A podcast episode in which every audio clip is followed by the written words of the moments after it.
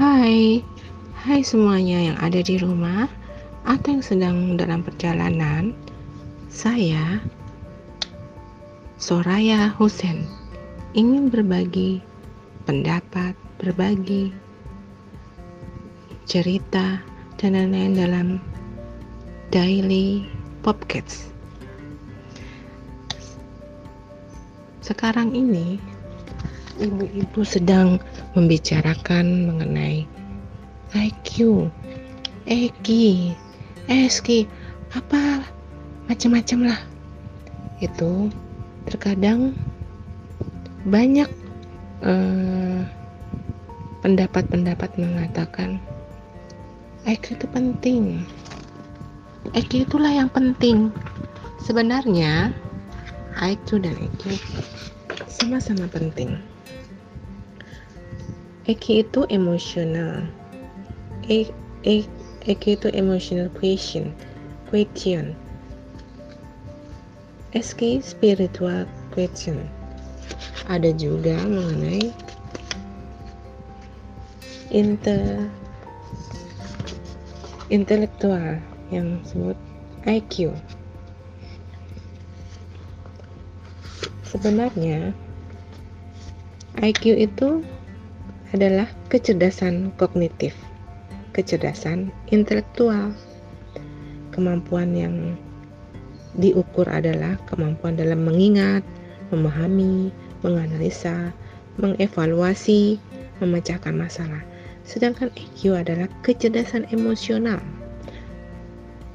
Kema meliputi kemampuan mengontrol perasaan diri sendiri, mengenali perasaan orang lain, adaptasi, kerjasama, disiplin, tanggung jawab, dan komitmen.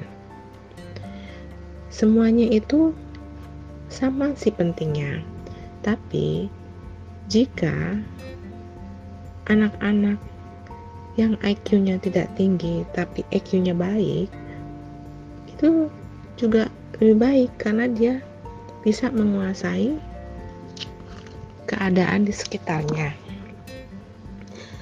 Tapi IQ juga penting untuk mengukur sebaik mana kita bisa menyerap suatu pelajaran, sebagus mana prestasi kita dalam menguasai pelajaran secara tulisan maupun lisan.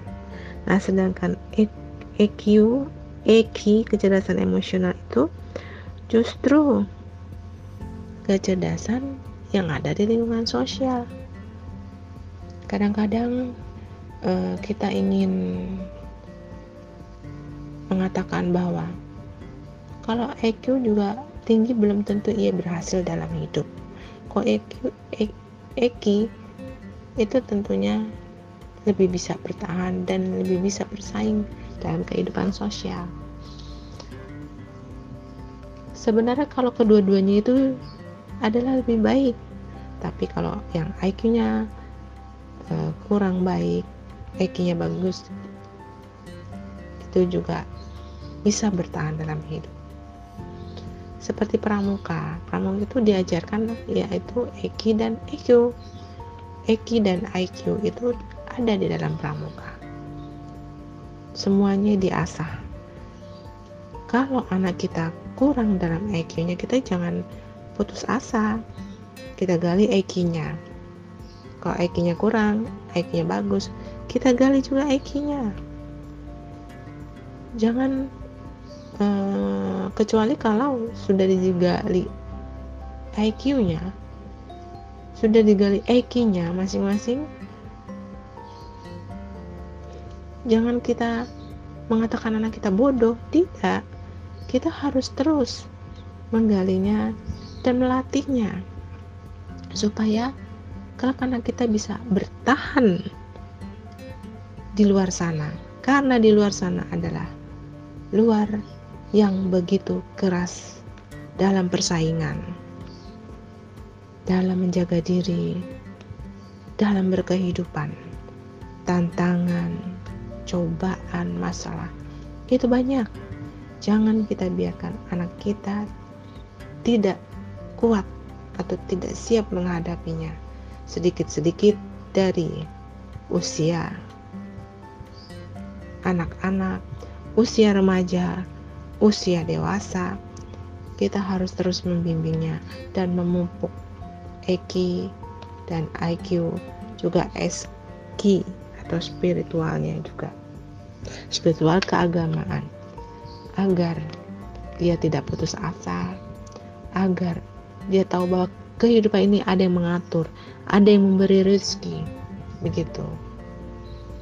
Ada anak yang nakal uh, terus tidak mau belajar. Dibilang oh dia IQ-nya rendah? Tidak. Dia belum diasah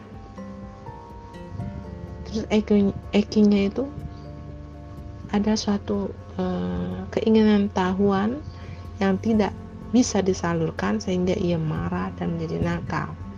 Kita harus selalu rajin membimbingnya rajin uh, menyemangatinya.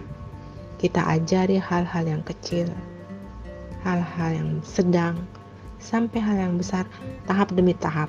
Tidak boleh sekaligus karena ada belum ada kesiapan uh, kesiapan sekaligus anak untuk menerimanya itu sekalian. Harus tahap demi tahap berdasarkan kedewasaan berdasarkan tingkat uh, kesiapan mentalnya kepercayaan dirinya. Jangan kita larang anak kita ingin berprestasi walau mungkin uh, tidak sesuai dengan keinginan kita. Siapa tahu dalam prestasinya itu ada jalur yang orang lain tidak bisa tetapi dia dia yang bisa dan dia dapat menjualnya dengan harga yang tinggi. Itulah rez, rezekinya. Selain pendidikan formal kita berikan juga pendidikan informal. Kita lar, kita latih eh, kemampuan berpikirnya kemampuan seninya eh, kepercayaan dirinya kemampuan berhitungnya kemampuan membacanya dan lain-lain. Siapa tahu di antara kalian ada kelebihannya. Dan setiap manusia setiap anak mempunyai kelebihan masing-masing dan keunggulan masing-masing yang saling melengkapi dan dibutuhkan di dalam kehidupan ini, di dunia ini, karena tidak semua orang menguasai seluruhnya. Masing-masing ada yang membutuhkannya, di mana orang itu tidak memilikinya. Jadi, jangan patahkan semangat anak. Jangan kendorkan semangat anak. Beri kepercayaan diri, beri asah kemampuannya, dan jangan bilang anak kita bodoh. Bilang belajar, belajar, dan belajar. Seperti uh, batu, jika ditetesin air terus, dia akan pecah. Itulah pelan, pelan, pelan atau pisau diasah dia akan tajam. Nah, jangan juga kita membiarkan anak kita marah terlalu berlebihan. Kalau dia marah kita berusaha tenangkan, tenangkan jiwanya, tenteramkan jiwanya. Itulah yang harus kita lakukan kepada anak-anak kita agar mereka kuat dalam menghadapi segala cobaan.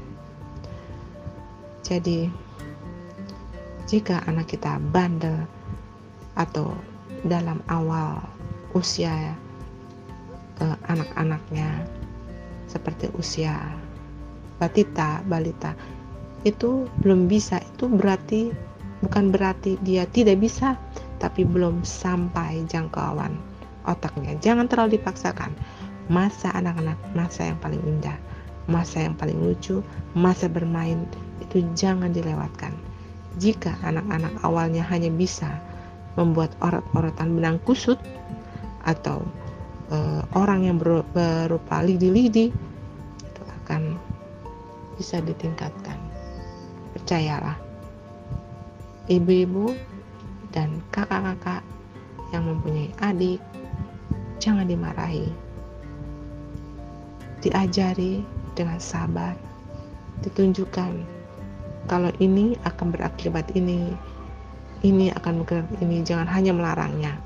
Begitu salam kenal dalam podcast kita daily podcast. Untuk kita semua hai guys semoga pendapat saya bisa bersamaan dengan pendapat kalian jika bisa kita bertukar pikiran kita tingkatkan kemampuan anak-anak kita untuk menjadi generasi penerus bangsa Indonesia yang bikin yang membuat negara kita akan menjadi negara yang maju. Salam Indonesia. Assalamualaikum warahmatullahi wabarakatuh. Salam sejahtera. Selamat beraktivitas. Bye bye. Saya Soraya Husen.